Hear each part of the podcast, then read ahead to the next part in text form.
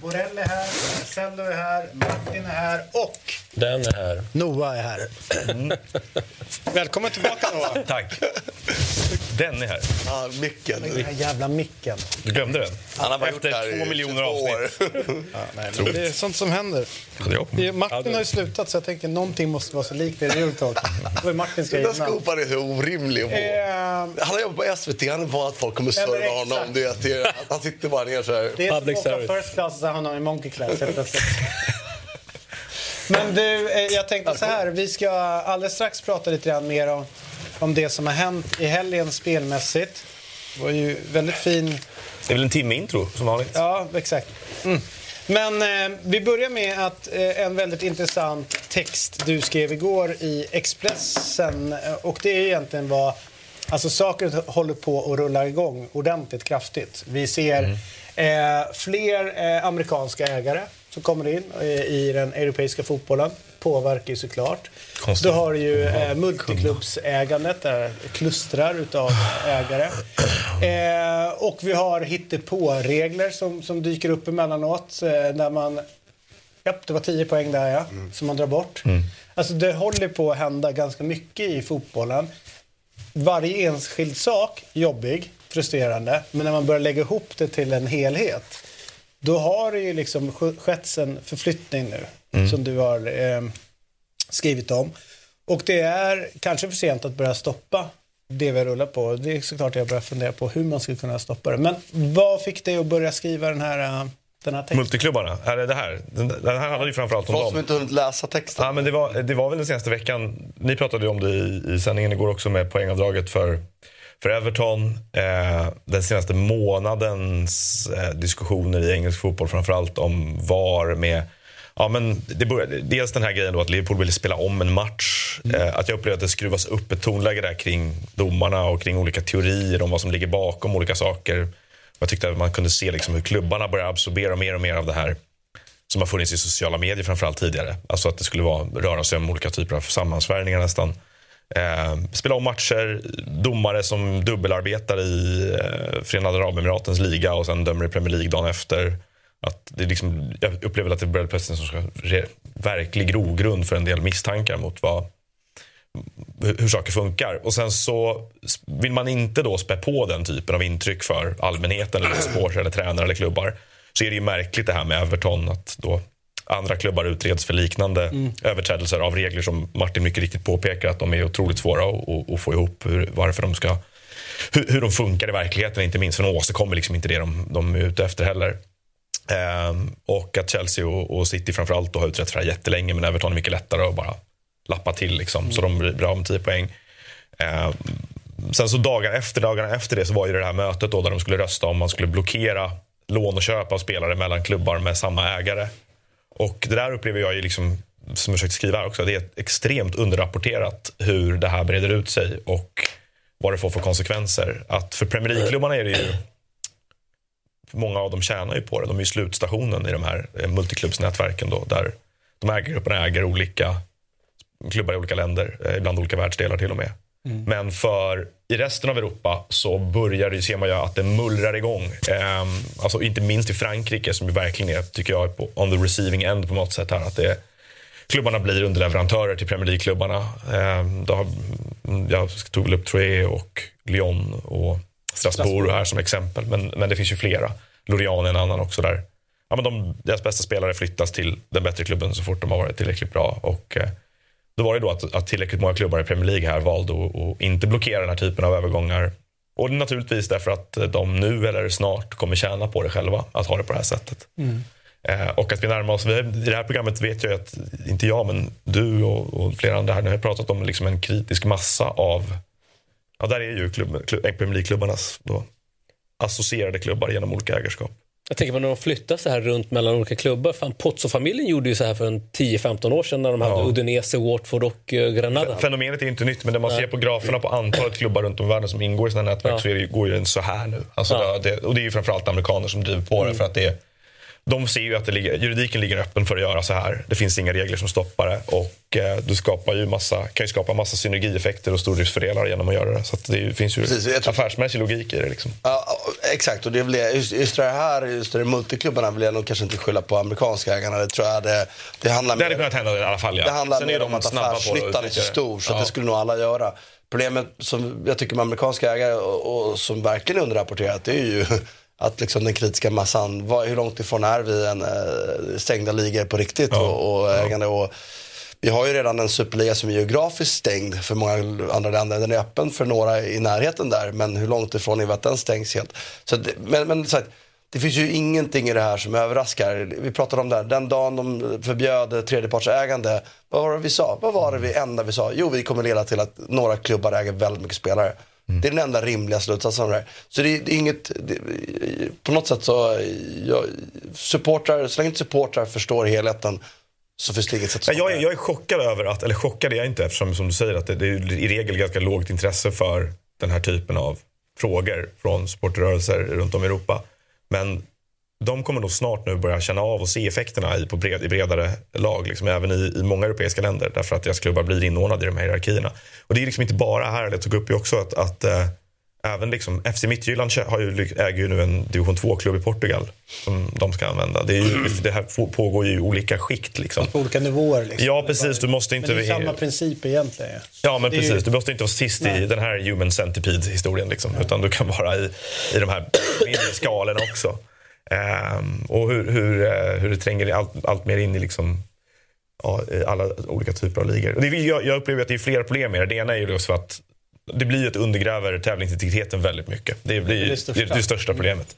Sen i förlängningen så tror jag också att det här problemet att vad gör det med klubbar som till exempel då, ja, men som det här exemplet som varit uppmärksammat mycket här med Esbjerg i Danmark och, eller med Strasbourg, att de inte i första hand är Strasbourgs klubb längre utan det är, det är nu en klubb som eh, framförallt syftar till att tjäna Chelsea eller i Esbjergs fall då tjäna Pacific Media Groups eh, konglomerat liksom.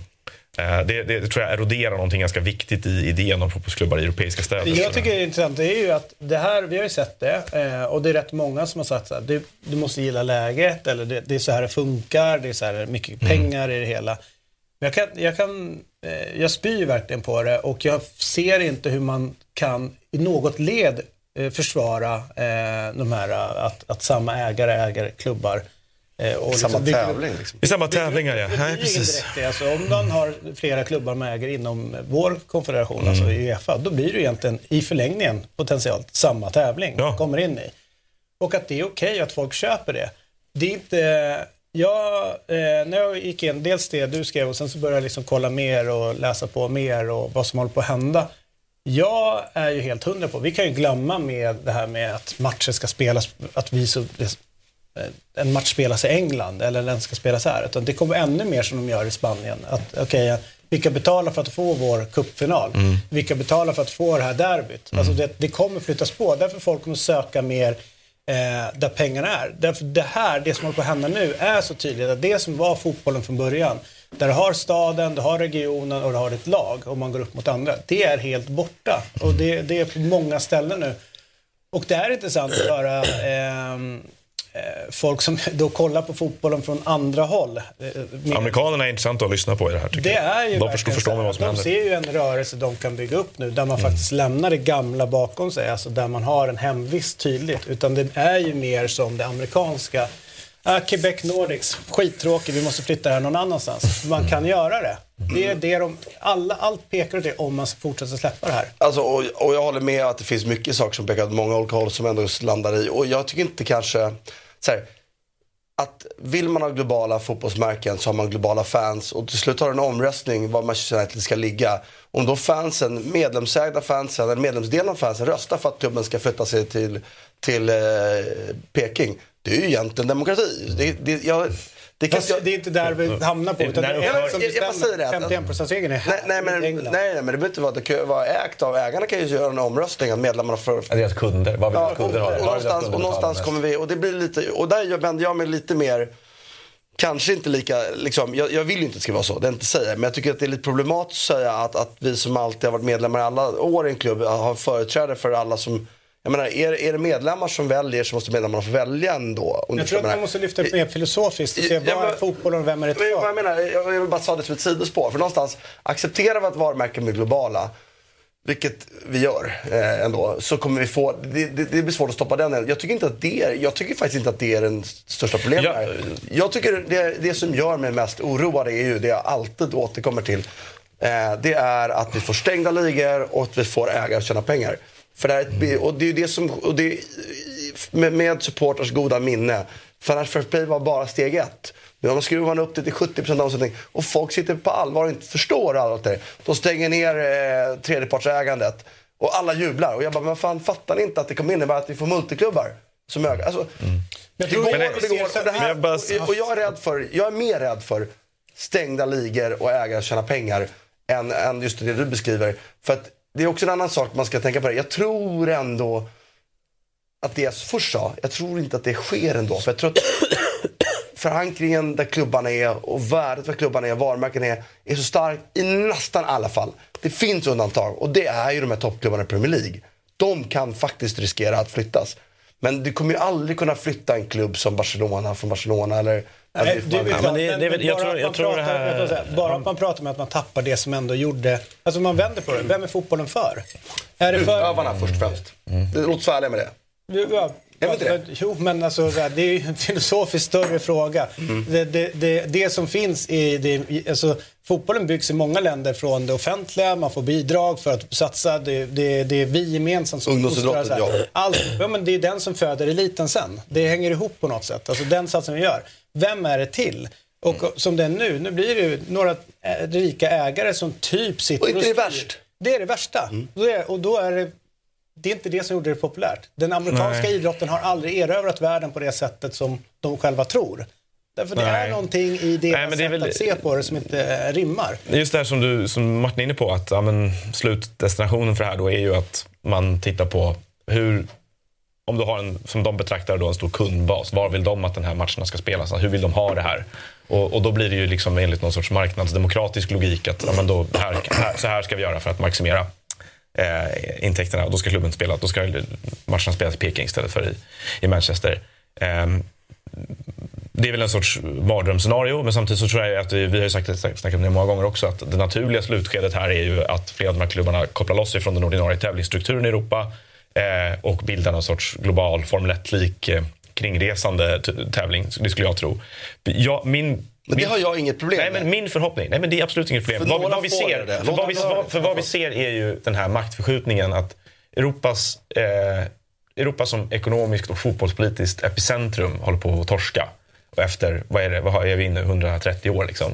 Det är, som du har också varit inne på flera gånger, det är någonting f- fullt demokratiskt i att världens bästa fotboll ska kunna ha sin hemvist på olika platser i världen. Det ska inte alltid vara vår eh, utgångsposition. Men vad som då kommer upp till ytan i alla andra världen, om vi inte har de bästa spelarna längre, eh, då, vad ska vi då ha fotbollen i Europa till för någonting? Och för mig är det ju då eh, rimligt att städerna har klubbar som är deras fönster mot världen och representerar dem på olika sätt. Alltså vore det bästa för mig i alla fall om den här världsligan tävlades mellan, spelades mellan nya typer av klubbar istället för att man ska rycka loss de här grejerna från Europas rötter. För Manchester United är ju Manchesters lag. Det är ju inte Manchesters lag längre om de har sin hemmaplan i Peking. Eh, och, då, och, då, och det blir det här då att hur håller man kvar det här på något sätt? Att jag tror att i den här förvandlingen av sporten som kommer äga rum nu, i alla fall på, på den yttersta världstoppen, så vore det för, för europeisk fotbolls skull, eh, engelsk som många andra länder, allra bäst om det gjordes i nya juridiska enheter snarare än att Jag säger så här, kör på med. Saudi-ligan. Alltså, Nej, men då- det är ju och där kommer, och där, och. I det här nya formatet, då, vad det nu blir, där kommer de bästa spelarna vara. Det men- kommer ersätta Champions League som hegemoni. Men jag måste, Skicka dem dit om de vill spela. Men problemet är att de kapitaliserar ju på det som är det Newcastle back in the days har byggt upp med arbetarkulturen och alltihop. ja, de, appro, de approprierar ju det språket väldigt som, mycket. Mm. Som kör det och då tar de över det. Men om ni bara vill ha bästa fotbollen, bästa spelarna, kör på. Betala dem där borta och gör er grej. Och det hade ju varit, det är ju en lösning så, som eh, skulle kunna vara. Jag, jag tror ju, jag tror ju alltså antal klubbar som kommer byta hemvist i städer kommer vara nära noll. Om det nu ens sker. Nej, men det, är, det är ett extremt scenario. Jag tror, att- jag tror däremot att, att eh, ganska många skulle föredra att Manchester City, tyvärr, alltså supportrar i Manchester City, gör de en omröstning på sina medlemmar så tror jag ändå medlemmar som vill att de ska spela en superliga, möta eh, Sao Paulo eller möta Boca Juniors och möta Men du pratar om deras globala ku- ku- den, den globala kundbas, ligan ja. som ändå kommer bildas på Ja, men du pratar bland deras globala supportrar, för jag tror inte att alla som bor i Manchester, vill att de ska ut i Premier League. Jag tror de Nej, vill möta nej, nej, men vi pratar hela medlemsbasen. Liksom. Och, och, och då är vi där att... Och, Det är ju inte en medlemsbas, Martin. Det är en kundbas. Det är en kundbas. Medlemmar. De har ju ingen säg man måste vara medlem om man ändå ska rösta. Skitsamma. Poängen var inte det. Jag tror att det, det är väl en sak som jag tror ändå liksom jag skulle kunna acceptera. Problemet är ju inte det tycker jag. Utan problemet är att vi kommer få den här ligan stängd och ägare tjänar pengar och det stör mig något fruktansvärt att det blir så. För att vi har sett till att vi har skapat en, med supporters goda minne. Vi skapar, varje sån grej som införs så skapar vi incitament av en enda typ av ägare. Ja, möjligtvis då någon, eh, någon fond som vill tvätta någonting. Men pengatvätt, eller sporttvätt är inget nytt. Jag menar, det, det har man hållit på med Nej, men de andra- Erik Persson i IFK Malmö på... Alltså, De andra, de andra incitamenten här från den Ja, det är andra, det. det, Det är det, det, är det som är de, sto, de, stora, de stora, den stora förflyttningen är ju, alltså, som du säger, statskassan är ändå förhållandevis få sett hur många klubbar de äger. Alltså, det är ju i synnerhet då framförallt eh, liksom, investmentbolagen som är inne och ändrar på det. Men jag tycker det är det som jag vill åt med... Men jag vill, jag vill bara slutföra det. Jag, ja, men jag tänkte komma till, och det är det som är problemet tycker jag då. Att vi, vi skapar incitament. Det bara fin, vi, de här investmentfonderna, det är de vi skapar. Vi, vi, gör, vi krattar i miljö som här, det är ni som ska göra det här, inga andra kan göra det. Om vi istället släppte de här gränserna, då säger en del säger då, ja, då blir det jakter på miljardärer. Men vet du vad, det finns mer miljardärer i Sverige än vad det finns klubbar topp, i toppfotbollen i Europa. Så att jakten på miljardärer är ganska lätt. Det finns miljardärer överallt. Och vad det skulle göra då? Det skulle skapa, visst, det skulle ju vara en jobbig period direkt när det kommer in massa pengar. Så skulle det ju vara. För att det skulle bli jävligt snurrigt och pengar skulle sticka iväg, värdena skulle... Men vi skulle landa i en tävling som jag skulle säga så här, men vet du vad? Du kan faktiskt göra bra grejer i Brighton och så ta in massa pengar och vinna på Champions League. Du kan göra lätt till ett topplag med pengar och anställa rätt folk. Och marginalnytt om pengar skulle falla och vi skulle få mycket rättvisa. Jag ser ju det som den enda vägen framåt. Alternativet är att vi liksom låter Uefa äga allt. Eller Fifa äga allt. Och så fördelar de pengar jämnt över hela jävla världen. Men det är det, som ju är rättvist. Ja, men det, precis, men det är två... Ja, men Uefa och Fifa vill ju lite olika håll. Fifa är ju ganska sugna på den här mer globala formen. Därför de utökar klubblags-VM, gängar sig med andra, med Uefa, andra för att de äger allting och fördelar allt går ju inte. Nej, de, de, nej men precis, det kommer ju inte hända. Men, eh, nej, men jag tänker två grejer med det här. Det ena är ju då det här att, att eh, det börjar bli ett problem för Uefa, inte minst att de har tappat kontrollen över det här på det här sättet. Att de här andra incitamenten och att ägarna är så många nu. Man tittar på de valde ju om styrelserna till European Club Association nyligen till exempel. Och där är det ju många av de här som multiklubbsarrangörerna som sitter med nu och de är en väldigt stark förhandlingspartner. Det ska göras avtal och nya format och grejer. Så Farligt. Jag tror, de vrider ju den här modellen allt närmare att det, att det finns inget utrymme kvar för Uefa nästan till slut. Att det är mer och mer av som de vill ha det och till slut så kommer de liksom pressa. Så Uefa är lite naiva i, det, i den bemärkelsen. Ehm, det andra är det här, just det här med vad det gör Kan med de göra diskussioner om fotboll. Att, att, här, som jag var inne på från början, att man ser, jag tycker man ser allt mer hur det blir det här liksom, konspiracistiska tänkandet kring grejer. Att, liksom, att ja, men nu, de får de här strukturella fördelarna och de har det här och därför blir det så och så vidare. Om då vissa klubbar i Premier League äger massa andra, alltså det, det blir mer av det här, var är, går det att lita på det man ser? Det, det, det är ett jätteproblem också tror jag.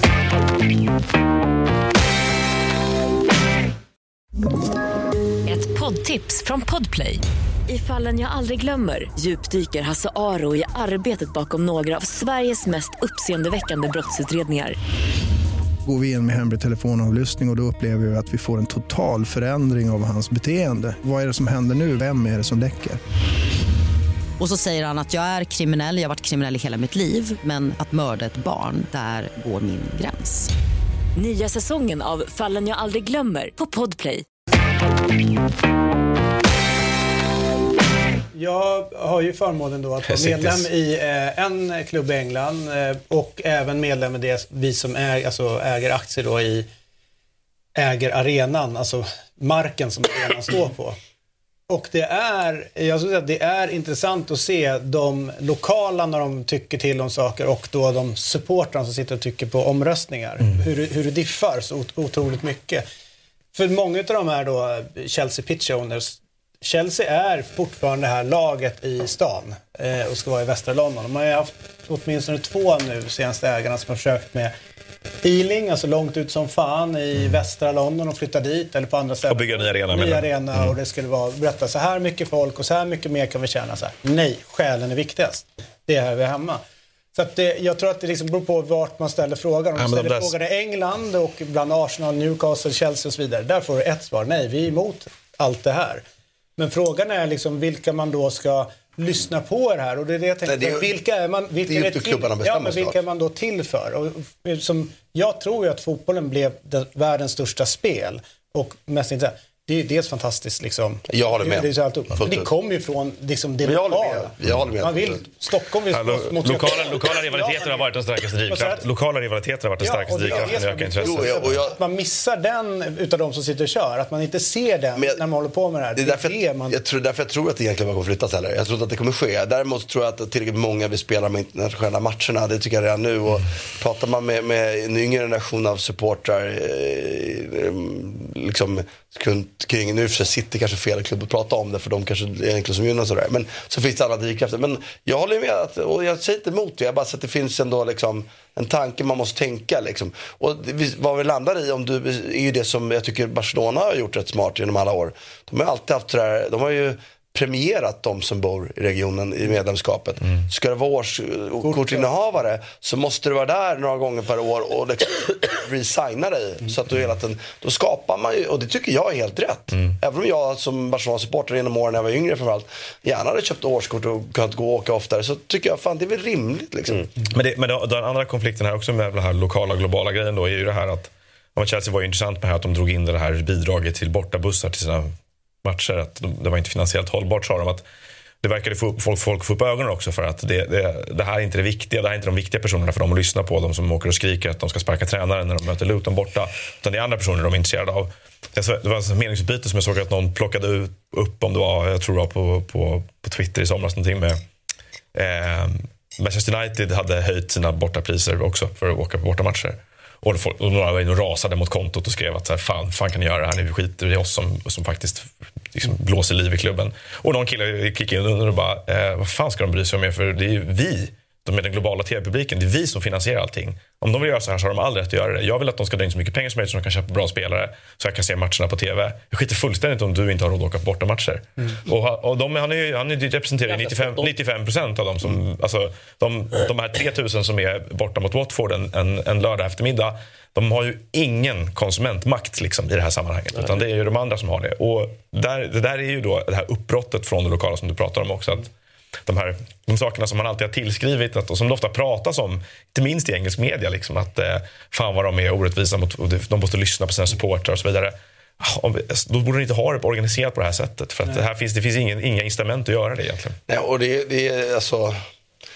Det roliga är ju, tycker jag, Det måste ju liksom hitta ett sätt att kvantifiera den här trovärdigheten. Alltså, de- för det, det, är- det är rätt lätt. Alltså, en familj som köper årskort på, på Friends och går på familjeårskortet och köper merch. Den, den kunden är ju, Jätteviktig är ju mycket mer lönsam för AIK än de här som står på några stå som är subventionerade biljetter och åker borta matcher. Men det är bara om du räknar det enskilda året. Du måste ju, och det här tycker jag det finns tillräckligt mycket modeller för att kunna hålla koll på. Vad Men är utan de som står varumärks- där på norra så kommer inte de andra för, för Nej, att stämning. Alltså, ja, men allting- det är varumärkesbyggande faktorn och sen så lifetime value på någon som kommer varje år. Och publikintäkter i relation till våra tv-intäkter i Sverige är viktiga. Alltså, så att Ja, det, vi är det, har ju en, vi är en lokal, annan. vi har ju en nationell, nationell publik. Alltså, vi har inte en Vi har ju internationell 15 publik. procent bara som TV ger Vi- ja. vi- vi intäktsmässigt medan och- 85 eh, som är annat och jag tror majoriteten är matchday.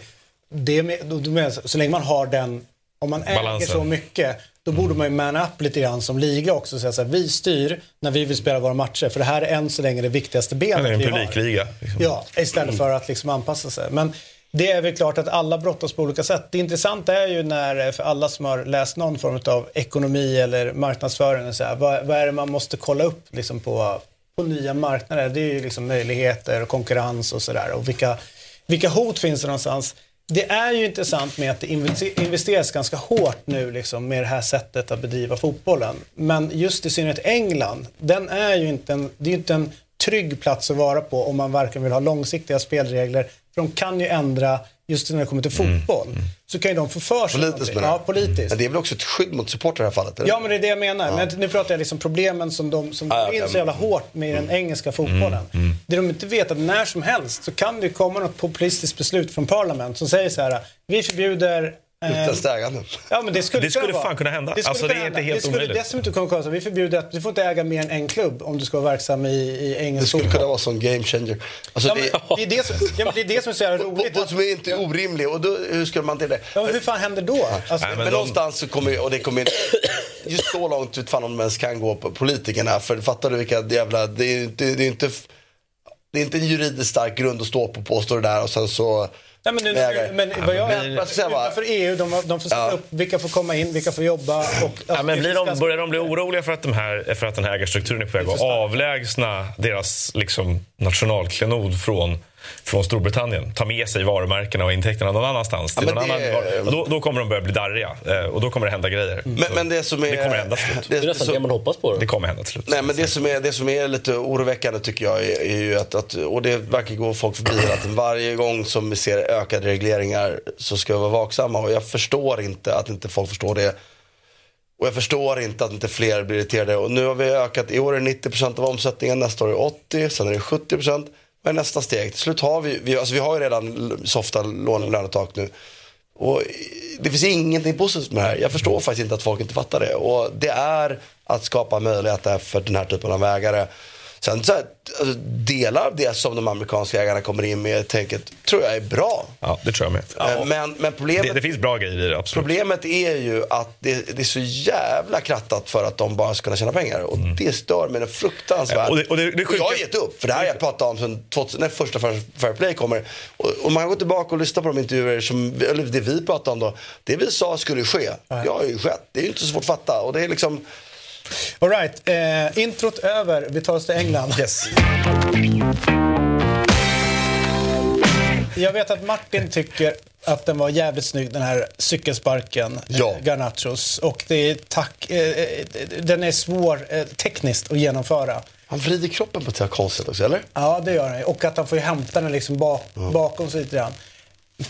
Fan, jag håller Runis högre. Jag gör det. Även fast han är ett, ett jävla smalben inne där. Men det är För att han har kortare tid att förbereda sig. Ja, och de där två däremellan. Det är liksom inga, det är, det är inga skitbackar han eh, ska... Det är Company och... Eh, Micke Richards. Micke Richards som dyker in där. Richards och att det är 1-0 i den matchen och så Ja.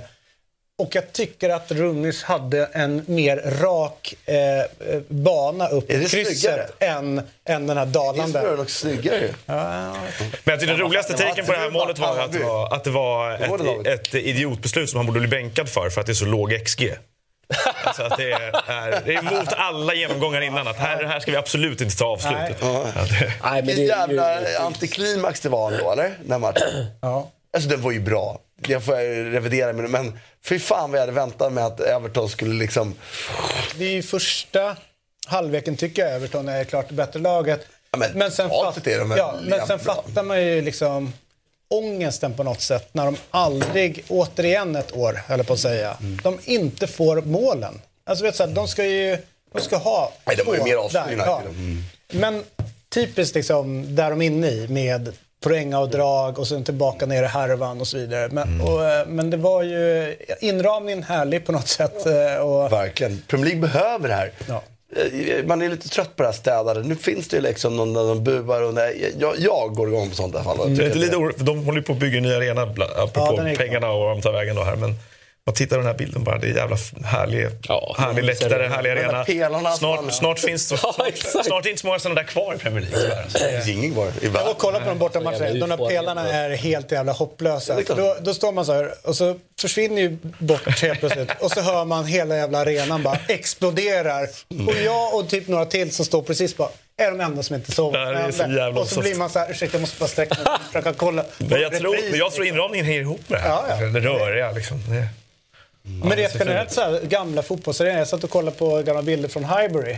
Eh, alltså när, när planen, så börjar läktaren nästan direkt liksom. Alltså det är avståndet där. Det är så jävla intimt och...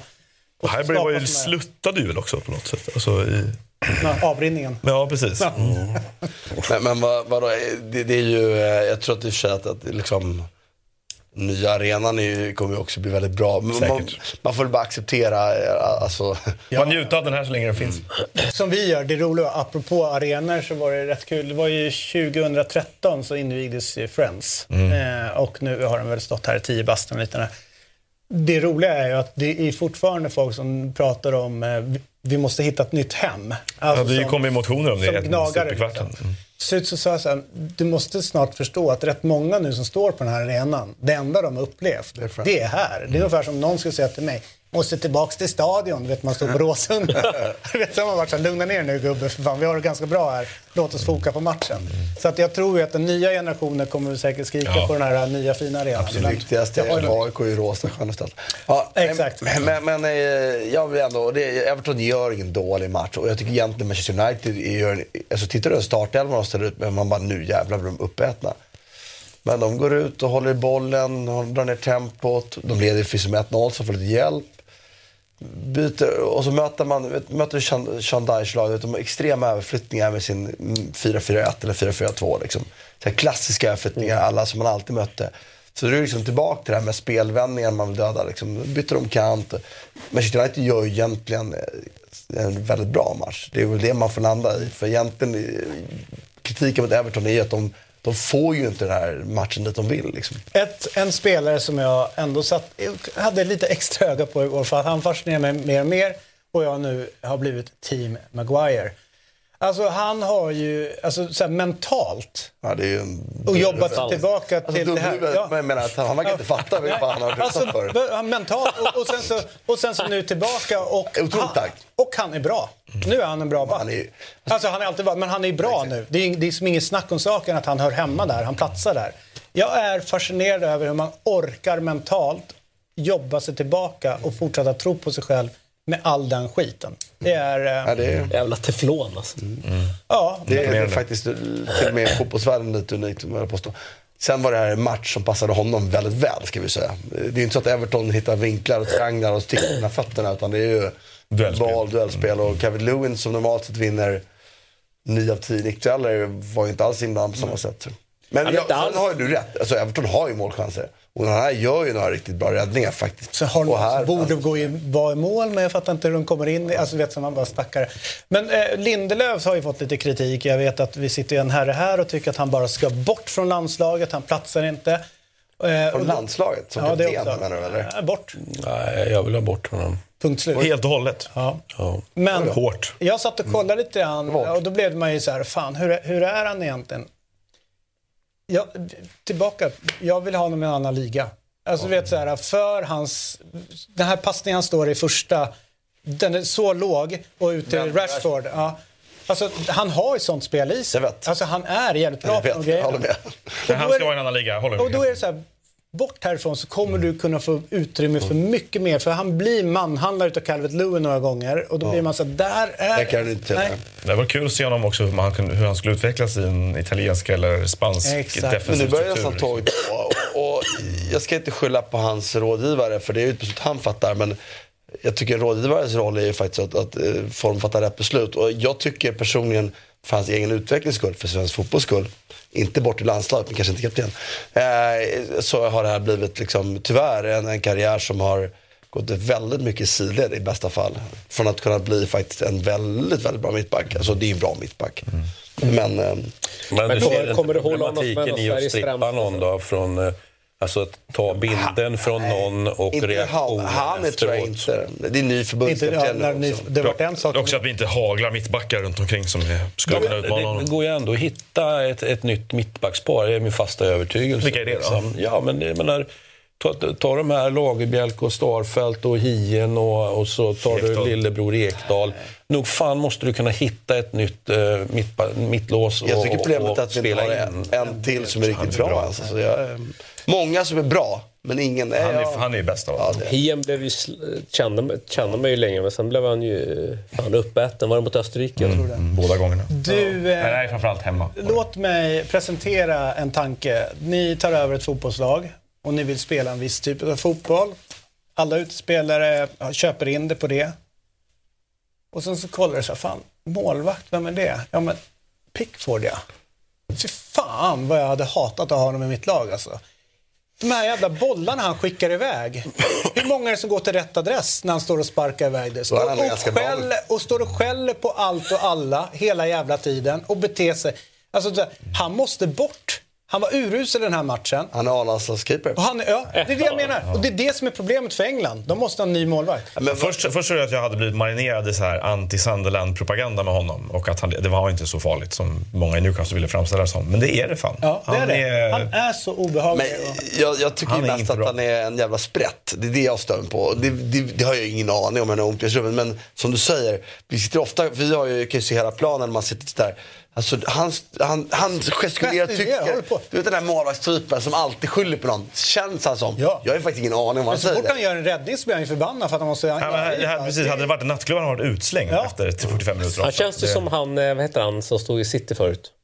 Hart. Ja. Han alltså också jävla- Fast Hart var ju över tre. Men sen är det en grej med honom också som alltså, också är sant och som är väldigt elak. eh, Korta armar. Ja. Han har korta armar i relation till... Det är ju väldigt kul när de möter Newcastle. då har Hugo, de alltså alltid vid nästa en säsong kallar de honom. T-Rex-armarna. Ja. De går alltid, ofta runt med en uppblåsbar T-Rex bakom honom hela matcherna på City Och, Sport. det roliga, vissa, ja, och vissa mål han släpper in hade han ju plockat om han haft normala jävla, det armar. är så jävla elakt. Ja, det, men är sant. Det är sant. Det är sant. Ja. Har ni inte kört T-Rex-dansen på nattklubben? vet, vet du vilken världens, världens minsta pub är? Nej. The Pickford Arms.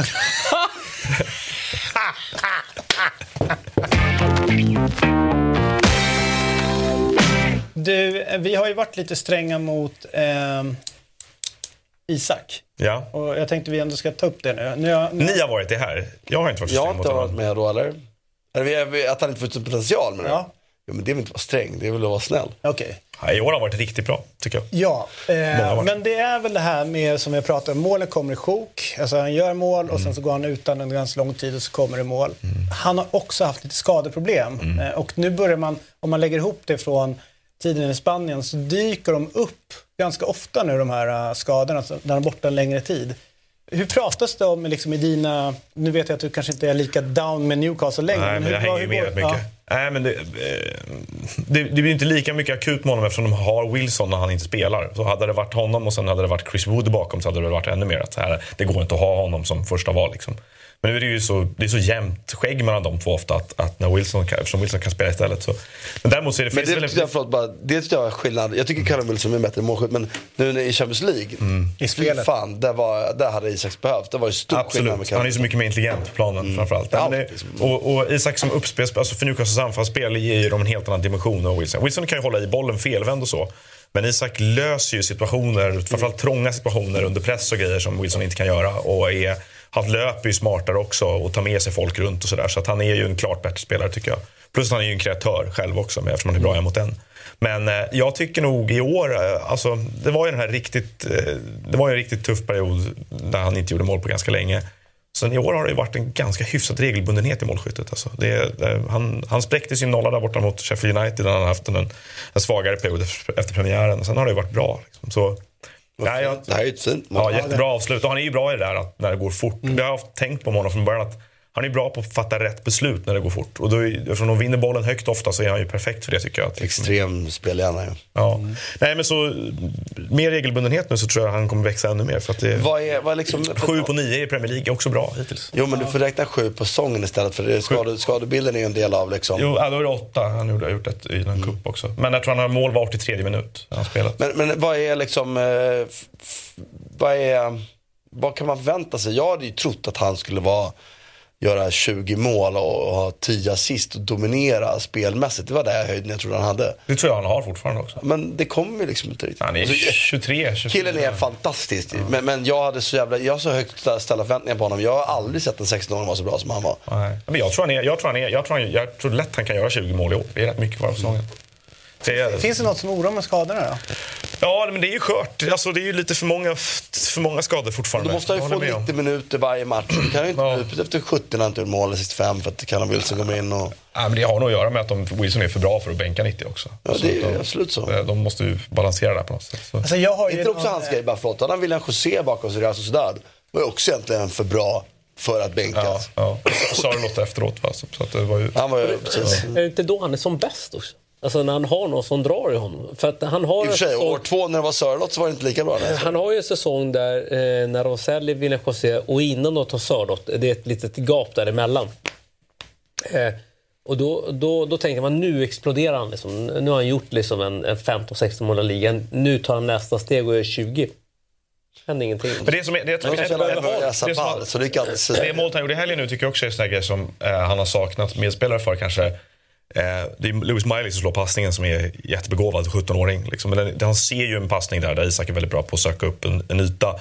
Eh, centralt, har- Newcastle har inte varit så jättebra på att spela sig igenom centralt eh, under. Det är mycket omställningsmål, höga bollvinster. Eh, liksom. Det är det Tonali skulle ha gett honom mer av. Precis, och, då, och den typen av spelare har han inte haft runt sig så mycket. Och där, där är Isaks egentligen, han är ju väldigt bra. Jag tänker på det här målet gör mot Djurgården i derbyt när han slår igenom när Ofori ser honom. Liksom. Han, han är otroligt bra på att hitta luckor och, och, och så en touch så smäller det. Hans första mål borta mot Liverpool när han kom till Newcastle också. Sean Longstaff såg honom då. Men de här tre mittfältarna som har spelat mest, Bruno, Joel Linton, Longstaff, de ser inte de passningarna riktigt. Alltså säga, men han är sexa, han är ofta längre bak och så. Men, men samma, samma sak med yttrarna de hade förra året. Då var det ju, spelade ju Sam Maximan en hel del. Ser inte heller de där grejerna. Han tittar ner hela tiden. Sådär. Det är lite andra spelare runt honom i år. Det är inte gårdens styrka heller. talat. nej, nej, det är det verkligen inte. Nej, men, då, men med Tonali in, Miley är också en, en mer vårdad spelare på det sättet. Jag tror möjligen att han har liksom ännu mer bättre service i år. Liksom. Ja. Härligt. Eh, vi ska ta oss till Italien.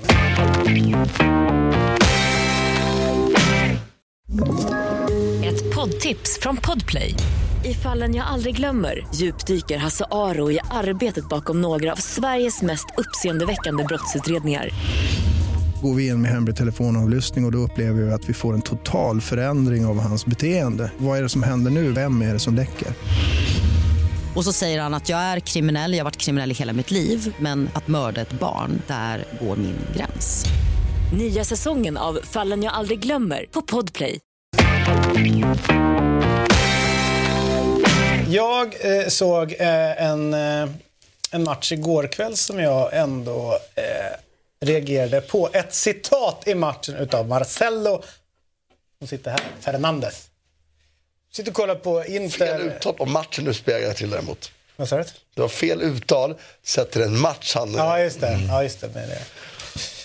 Du säger ett tag, det är 1-1. Eh, Det är Juventus mot eh, Inter. Men ändå är det liksom så här, ja, Inter är, och jag tänkte nästan texta det, men jag tänkte ta det nu idag. Inter är mycket bättre än Juventus, de har idéer och i speluppbyggnad och sådär. Men vad, vad leder det till? Alltså vet så här, det, det känns, och det är inte bara jag har hört det många gånger, men det är ganska lätt att om man har en defensivt anslag som Allegri har, han är ju inte intresserad av att spela på, på det som du- då tyckte inte gjorde mycket bättre. Men frågan är liksom, det nästan alltid värderas som att, aha, kolla vad bra de är som spelar så här medan det här är mycket sämre. Jag tänkte då, men vad skapar de i det? I det som de är mycket bättre på, att spela sin fotboll. Alltså, någonstans blir det resultatet till slut är ju... Så, förstår du vad jag menar? Ja, både Jag tyckte inte att de skapade det som de kanske... Jag tycker att de, alltså Inter hade, tycker jag, i- gårdagens För det första så, så tror jag att man behöver bara vara tydlig vad man menar med bra fotboll och attraktiv fotboll. Att det, är en, jä- det är jäkla skillnad i det. Bra fotboll för mig, det är när du behärskar alla fyra skeden i spelet. Organiserat anfallsspel, organiserat försvarsspel, offensiva omställningar, defensiva omställningar. Du måste kunna behärska alla. Spelar du bara attraktiv fotboll, ja, men då kanske du kan göra någon, någon skön fint och det är liksom sevärt. Då är du egentligen bara bra på det organiserade anfallsspelet, men du kanske inte har klara idéer i, i, i de andra delarna. Det jag tycker inte gör bra igår, det är att de har jättetydliga idéer hur de ska, spela sig ur eh, Pressen. pressen och hur de synkar och hela tiden liksom upp på sådana här layoffs, upp på felvänd tillbaka och hitta de här spelvändningarna. Eh, jättetydligt. Det är skitbra. Det tycker jag eh, Juventus har jättestora, jättestort problem med, med sin eh, speluppbyggnad. Alltså, eh, där, där i, slutan, i slutet av dagen liksom, la- hela tiden landar den här längre bollen på Vlahovic. Eh, utan mer att Juventus skapar sina målchanser på ett bra pressspel. Är det bra eller dåligt? Men om det är speluppbyggnaden då? Alltså så här, det jag menar är att ibland sitter man och kollar på ett lag, nu säger jag inte att du gjorde det, men då tänker man så här, det är så här man gör en speluppbyggnad. Fast det här laget... Att ge bort bollen menar du? Eller? Men de, uppenbart så tycker inte han att det är så stort problem. Därför att om den, den här längre bollen inte plockas upp så kan de vara där och pressa. Men Jag- alltså, jag bara- jag- Allegris sätt att spela fotboll är ju inte det Nej. sättet som man jämför andra Men bara för att försvara det lite, eller försvara det, men liksom, någonstans så, så är det ju två saker. Det är ändå tycke och smak hur man vill spela fotboll. Och, och där är jag ju mer på din sida. Jag tycker man ska kunna liksom, spela bort sin motståndare. Det du säger är relevant och tycker jag, för att det vi pratat om här nu, vi lever i en tid när nästan inga lag kan försvara sig till vinster längre. Vi lever i en tid just nu, det kommer ju svänga, men just nu lever vi i en tid när, när att plocka isär motståndaren med boll är allenarådande till framgång just nu. Vi ser knappt någon lag som vinner matcher på stå lågt. Liksom. Enskild match möjligtvis. Det här, och det vill vi också prata om här. Allegri är ju, och jag skrev på, på Twitter några, för några månader sedan, att Allegri just nu är liksom allenarådande. Han driver en egen, ja, ja, i det här fallet. Men han är framgångsrik på det. Han är den enda just nu jag ser i någon liga som är framgångsrik på att, att hela tiden låta motståndaren bollen och ändå klara av det. Mourinho klarar inte av det. Nu har han bättre spelare än Mourinho har förvisso, men det är ju unikt. Så att, jag tycker frågeställningen har varit relevant. För i alla andra matcher jag ser i, i, eh, så tycker jag att har du ingen idé på hur du ska spela anfallsspel så du kör då. Men av någon jävla, och det tror jag ändå. Jag tror att Allegri, eftersom han inte han har någon idé, hur man, eller idé har han men han inte klarar att få någon idé igenom med laget hur man bygger upp bakifrån och spelar anfallsspel mot etablerade lag etablera sitt anfallsspel så tror jag att de inte kan eh, konkurrera om en titel alls i slutändan. Och att de därmed underpresterar sett till att de har dyraste truppen. Men jag hör, jag hör ju vad du säger och du har ju rätt i att just nu ser det bra ut. Mm. Och, och, där måste jag ändå referera till, till en, en tränare i, i La Liga. Eh, Simeone som sa det för någon vecka sedan i en intervju, apropå det du säger här med försvarare, han sa så här, ja men i Premier League, matcherna blir 4-4, 5-5. Och då sa han så här, fan vi måste göra något annorlunda. Vi måste bli bra på att försvara. Och det, det är lite det du, det, du, det du säger. Men den här matchen, ju längre den led, så vart det så här, ah, fan, de var ganska nöjda. Med 1 jag båda svarade. Eh, Ja, den ju av det. eh, nöjda. Men jag tycker Juventus bra i försvarsspelet, bra i, i det organiserade försvarsspelet. Inter... Eh, nej, fan, jag tycker de mm, inte spelar bra. Inte det är bra alltså. Inte det är bra. Det är, men jag tycker man tittar på Inter, det känns ju som att det är verkligen en, en maskin Ja. som går för fullt. Den har knappt några liksom, pauser. Det är klart att den har mer eller mindre fart. va? Det är snittålder 33. Acerbi, Ja. Acerbi Darmian Ja. de Frey. Fan. Nej, jag måste säga att Men en grej som jag reagerade på matchen igår, som jag, eh, dels var det extremt med Vlahovic mot Gatti, eh, Lautaro mot några också. Kroppsspråket. Alltså Ja. hur man eh, agerar mot någon som slår bort en passning. Mm. Så Gatti får mycket skit, med all rätt. Den där högerfoten eh, träffar inte många passningar. Inte ligans bästa, Nej. Men han har ju andra kvaliteter. Ja. Men Missade Sa- Lautaro däremot Men, ibland. vad sa du? Han missade dock Lautaro i försvarsspelet. Det är fan han. Ja, men eh, också Smart snyggt, och snyggt, snyggt mål. Och, men, men satan med när man pratar om, så här, som tränare, så här, Ja. så här, visa liksom, Ja. positivt Ja. liksom, kroppsspråk. Det var ju liksom så här, det var ju kats och, och allt möjligt till honom. Och det var så jävla tydligt. Jag, man brukar inte se att det är... Men då, Sånt sänker ju då, den då dåliga tänker man, jag, jag, jag tänker nästan så här, jag tänker på det också. Sen tänker man ju det andra, bara, fan vad luttrade de här jävla spelarna är. Alltså. Mm, så får den i huvudet. Ja, men alltså, nej men alltså att de bara, ja men din Mm. Eller fan vad det är. Liksom så att, att, så så här, de har kommit till den nivån att det är, så, det är lätt, säger du till en, en spelare på en, på en lägre nivå, de blir ju kränkta. Liksom. Ja, ja. Så då kan de inte fortsätta prestera. Här är det så här bara, Nej, du det- teflon. Ja, ja. Det, bara, det bara rinner av. Liksom. Ja, och av. Då, Utom Vlahovic då möjligtvis, som ju...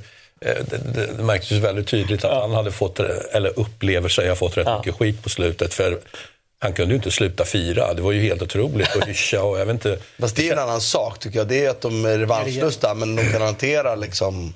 Ja, men eh, kritiken har ju tagit honom. Det är bevisligen så. Han, eh, ja, men det att mena med taget. Jag håller med med Marcello. De är, ju, alltså, är man på den nivån så klarar man av det mesta. Ingen, och, och, och det är otacksam. Han är ju sur för att det är otacksamma jävlar. Det är ju det han egentligen är sur på. Det är det han visar och firar mot. Inte för att han har tagit åt.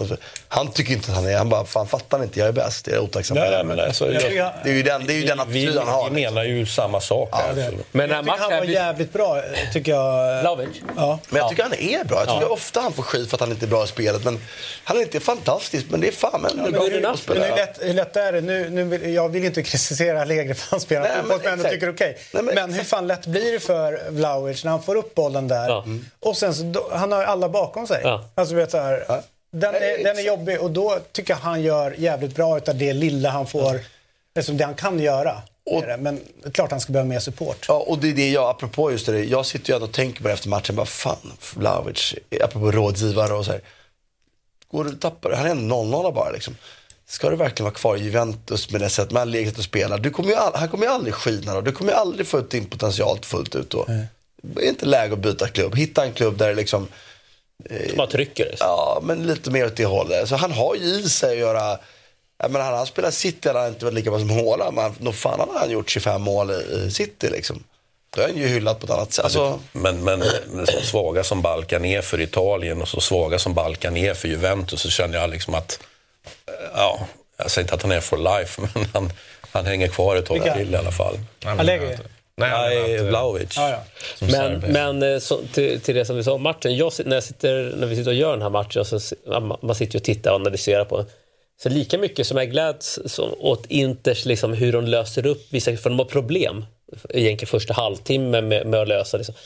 Så kan jag lika gärna sitta och uppskatta hur Allegri liksom bara Ja men det fan, han stänger bara en jävla sida i försvarsspelet. Ja men spela på den här. Spela här. Ja, Varsågod, kom. Kom bara. Och, så, och till slut så får han utdelning och då så tänkte jag, fan, det är fan ett bra försvarsspel. Jävla mysigt det också. Alltså, så. Det är, eh, det är sorg i Spanien och i England eh, därför att eh, en av de största personligheterna gått i tiden, Terry Venables. Eltel. Yes, han, eh, det som är coolt med honom är ju eh, på den här tiden de som faktiskt valde att lämna England. De gjorde ju inte det. Men han åker ner och lyckas, vinner både ligan eh, Han förlorade mot. Bukarest. Ja, men det är ju det är ju bara misslyckad. Men... i, Han, ser fan, han såg fan till och med spansk ut på de här bilderna. Han vinner i alla fall ligan och, liga, och, eh, och kuppen i, i, eh, i, i Spanien med Barcelona. Tar dem till Europacupfinal. Torskar ju den då mot eh, nämnda Stora Bukarest. Men han gör ju ett jäkla avtryck där nere. Han är ju bara två säsonger där nere. Var det tre? Jag kan är två. tre. Mm. Nej, jag minns inte. Jag har tre. Sen, sen, sen får lämna. Och de pratar ju liksom om hur mycket han har betytt. När man ser intervjuer med folk som har haft honom som tränare, oavsett vilket sammanhang, Alla eller lagkamrat. Alla älskar honom. Som, och för mig var det viktigt år, viktigt år eh, 96, 97 och 96. så här, när jag bodde där i, jag bodde, så man var ju på plats när, liksom hela EM och liksom upprinnelsen när det var skandaler från, Spanien, från Hongkong och vet, sådana saker. Hur han löser en sådana, det är så den mediebilden utav fylleskandal alltihopa. Han lyckas snacka bort det. Ja. det är liksom Gör ett fotbollslag av, som kretsar kring Paul Gascoigne. Det är ju Ja, bara det är en sån Gascoigne var bra han var alltså. Ja. Och han fick honom att vara allt det han ville vara. Liksom. Och exempel. Det engelska laget eh, var man ju svag för. Ja, skojar du? Faktiskt. Även om jag tycker som sagt, mig gjorde det ont eftersom Salinas gör två mål i förlängningen som båda är onside, bortdömda. Alltså de blir, Spanien blir bortdömda grovt mot England. Då. Dominerade båda båda. Så jag var arg, men jag gillade laget som fan. Mm. Men verkligen med honom, det har vi förstått i efterhand, eh, jag var för liten för att följa rapportering där och då, men verkligen att han, så här, han representerade någonting som folk verkligen gillade i England. Att det var, han klarade av att vara ja, och, och, ganska... Men liksom, intellektuell ändå. Ja, men absolut Fast ingen Väldigt dumskalle. Liksom. elegant och... och, och eh, Men hans grej var ju att han kom ifrån östra London, hård arbetarklass. Men han, Mm. Han var väl ju- väldigt karismatisk. Det är det liksom. som är grejen. Ja, Han ja. gillar att underhålla. Han gillar liksom Och hela den det. förväntansbilden på förbundskapten levde väl kvar lite grann. Så man skulle vara som 100%. Hoddle var ju inte det till exempel Nej. som kom efter. En, en skön grej är ju att han ihop, han är en väldigt god vän med George Graham. ju. De, en av de första liksom, såna här businessgrejerna de, de, de ska göra, för han gjorde ju väldigt mycket business. Och inte speciellt bra business. Eh, ja, kan Han sa ja till, han hade som grej att säga ja till Och då, och då, eh, ja, då startade de ett skrädderi ihop med en tredje snubbe. Ja, det. Så, så att det är lite kul, ett Arsenal-perspektiv här. Jag ska, vi kan prata lite mer Barcelona sen, men det där var ju när George Graham fick tränarrollen i Arsenal, det där var ju första valet. Och så sa han att ah, men, min, min, min kompis här, Han var i Spurs. Graham, liksom, Han kör var, på ja, han var både spelare, sen var ju executive eh, director i Spurs under Alan Sugar som var, som var ägare. Och där krockade det fullt ut. Där, eh, jag tror att det var så att han portade honom. Han var inte välkommen tillbaka in, att han skulle bara bort. Eh, och de, ja, det var ju en, och, och helt offentligt också såklart som det är i England. Det är helt transparent. Man får Då åker ju en få reda på alltihopa. Liksom. Eh, så det är väl klart att det som ändå var det som drog ner lite grann, det var ju hans business-sida. Alltså att han, det var ju skulder här och där och det var liksom rättegångar. Han var ju tvungen att lämna landslaget. Det var ju inte för resultaten utan det var ju för att det var för mycket grejer alltså i high court. som, de, som de kunde liksom, de kunde Och det här inte tog sig hantera upp nu också, att det saboterade bilden av Ja, honom lite grann. Men ändå så var det nog bara några få som tyckte det var jobbigt därför att alla supportrar, alla gillade ju Eltel. Eh, Och eh, spelarna vill ha kvar honom. De säger det är den bästa eh, tränaren vi har haft. Så att det var ju liksom bara ett politiskt... Ja, men eh, socialt geni och uppfatta Och bra på att sjunga. som. Jävligt bra på Så att, eh, sen gjorde han ju det häftiga i Barcelona. Det var ju ett häftigt Barcelona. Barcelona har ju inte vunnit ligan sedan 74.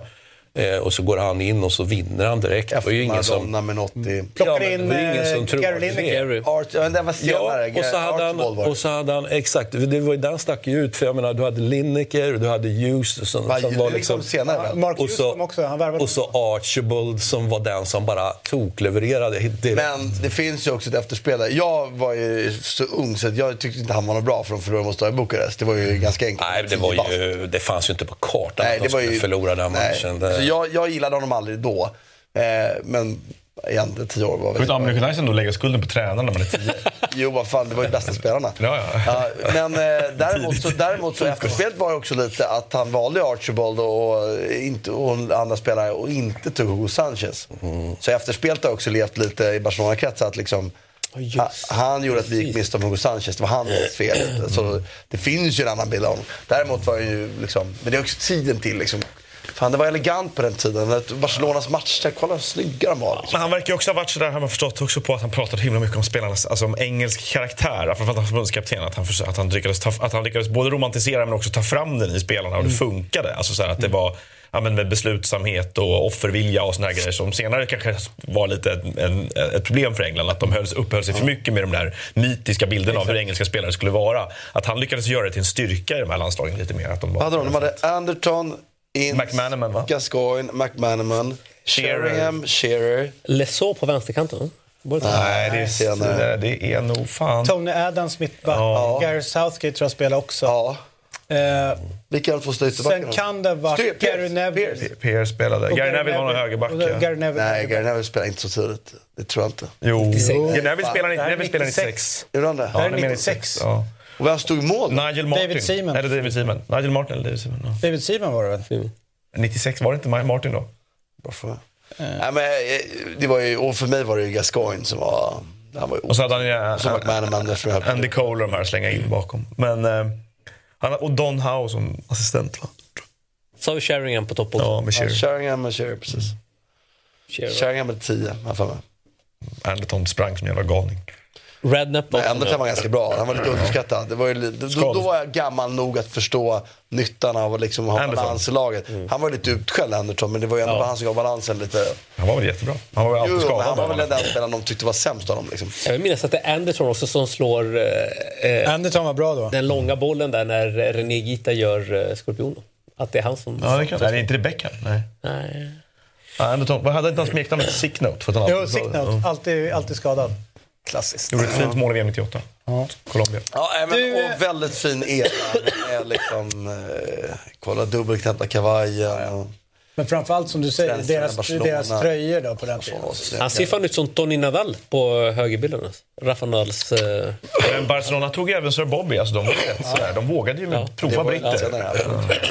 Senare här. All right, eh, den nya Så verkligheten Bob gillade jag mer och var sämre egentligen. men Också hade Ronaldo. karismatisk. Ja, så helvete. Den nya verkligheten för Sevilla då. De har ännu en tung säsongstart. Efter 13 omgå- omgångar har man skrapat upp 12 poäng. I fjol 11 poäng som är lite bättre i år. Vilket resulterat i en eh, 15 plats och eh, stadsrivalen, de jävlarna, Betis. ligger på Betis. plats.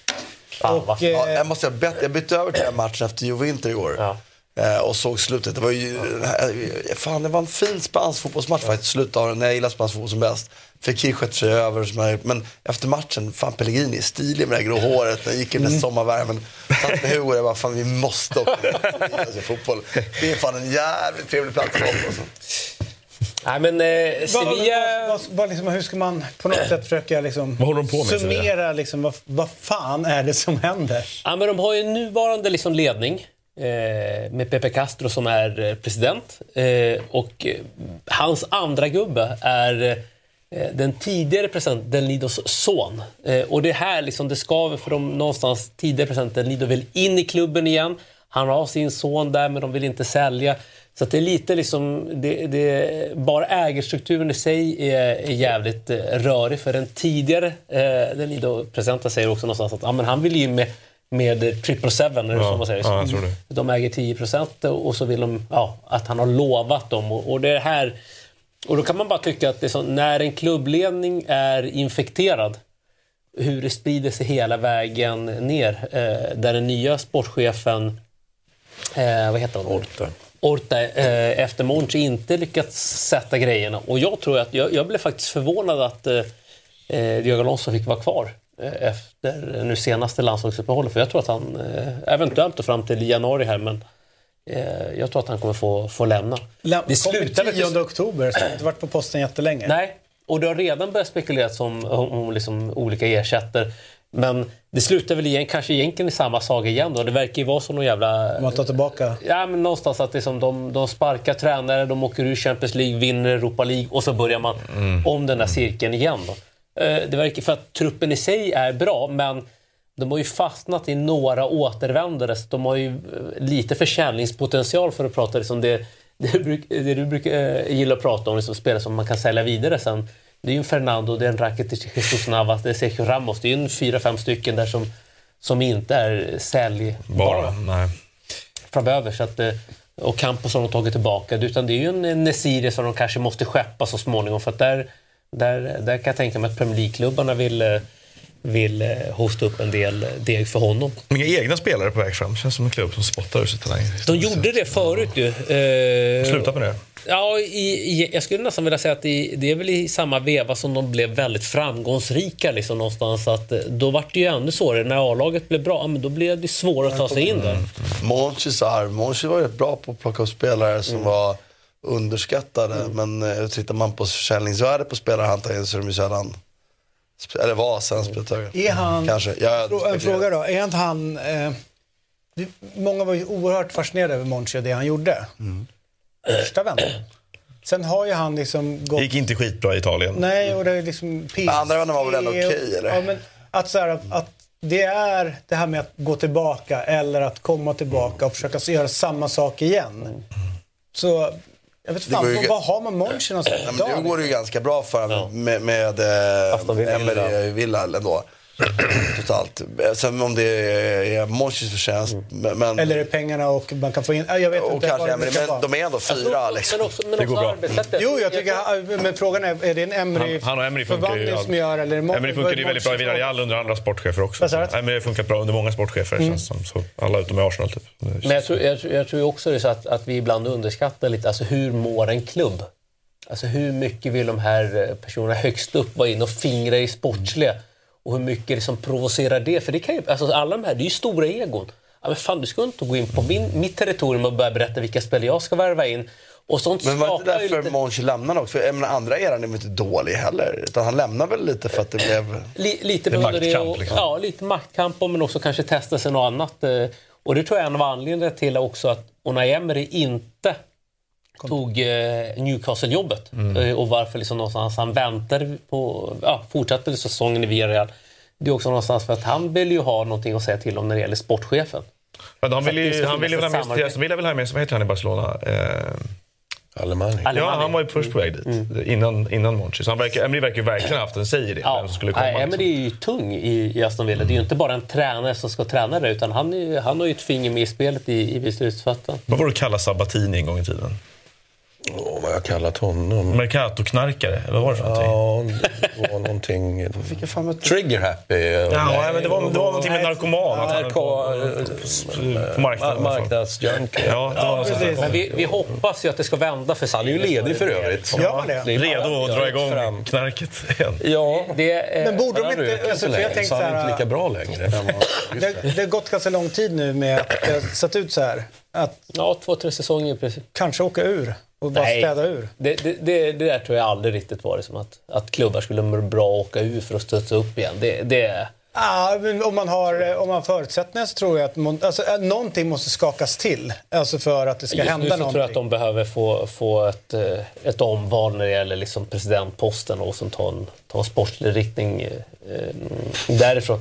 Jag tycker det är synd för att Sevilla har ju någonstans, de har ju arbetat sig till med sina titlar allting det här. Liksom, så att, eh, att de får en dålig säsong i år, kanske missar Europa. Ja, det, det tror jag nästan att de kan överleva. Men Det gjorde de ju förra året också. Ja, ja, då vann de ju. Men de missade Europa. De är med nu tack vare att de vann. Just Tack det. vare att de vann. Ah, vad dum jag är. Nej, men, och jag, jag, jag, säger, jag kan vända på det lite till. då. Jag tycker att Mendelibär, att ta in honom med hans icke-fotboll, apropå det här med, med noll risk på egen planhalva. Det är ju ett pris för det också. Nu har de ju inget spel, de har ändå spelare som kan spela det här laget. Så att de behöver rekrytera en bra tränare Potter. också. För dyr, eller? Det tror jag inte. Det jag hade varit jävligt spännande. Eller hur? Det hade varit sjukt Perfekt för spännande. honom också. Vad tror du han hamnar? Du har lyssnat på en lite kortare variant utav Eurotalk i och med att du har poddlyssnat. Om du vill se hela programmet så finns vi på Dobb-TV. Eurotalk alltså där för 49 kronor per månad, årskort 599 kronor. Eller om du vill så finns vi på Youtube där du klickar in ett medlemskap och det kostar 89 kronor per månad. Där ser du oss live men också hela långa programmet. Men du har alltså som sagt var lyssnat på podcasten, en timme lång ungefär. Men om du vill ha hela så går du in och bällar för det. Tack för att du lyssnar.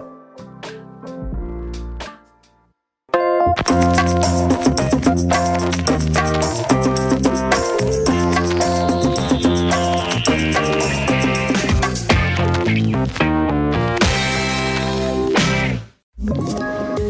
poddtips från Podplay.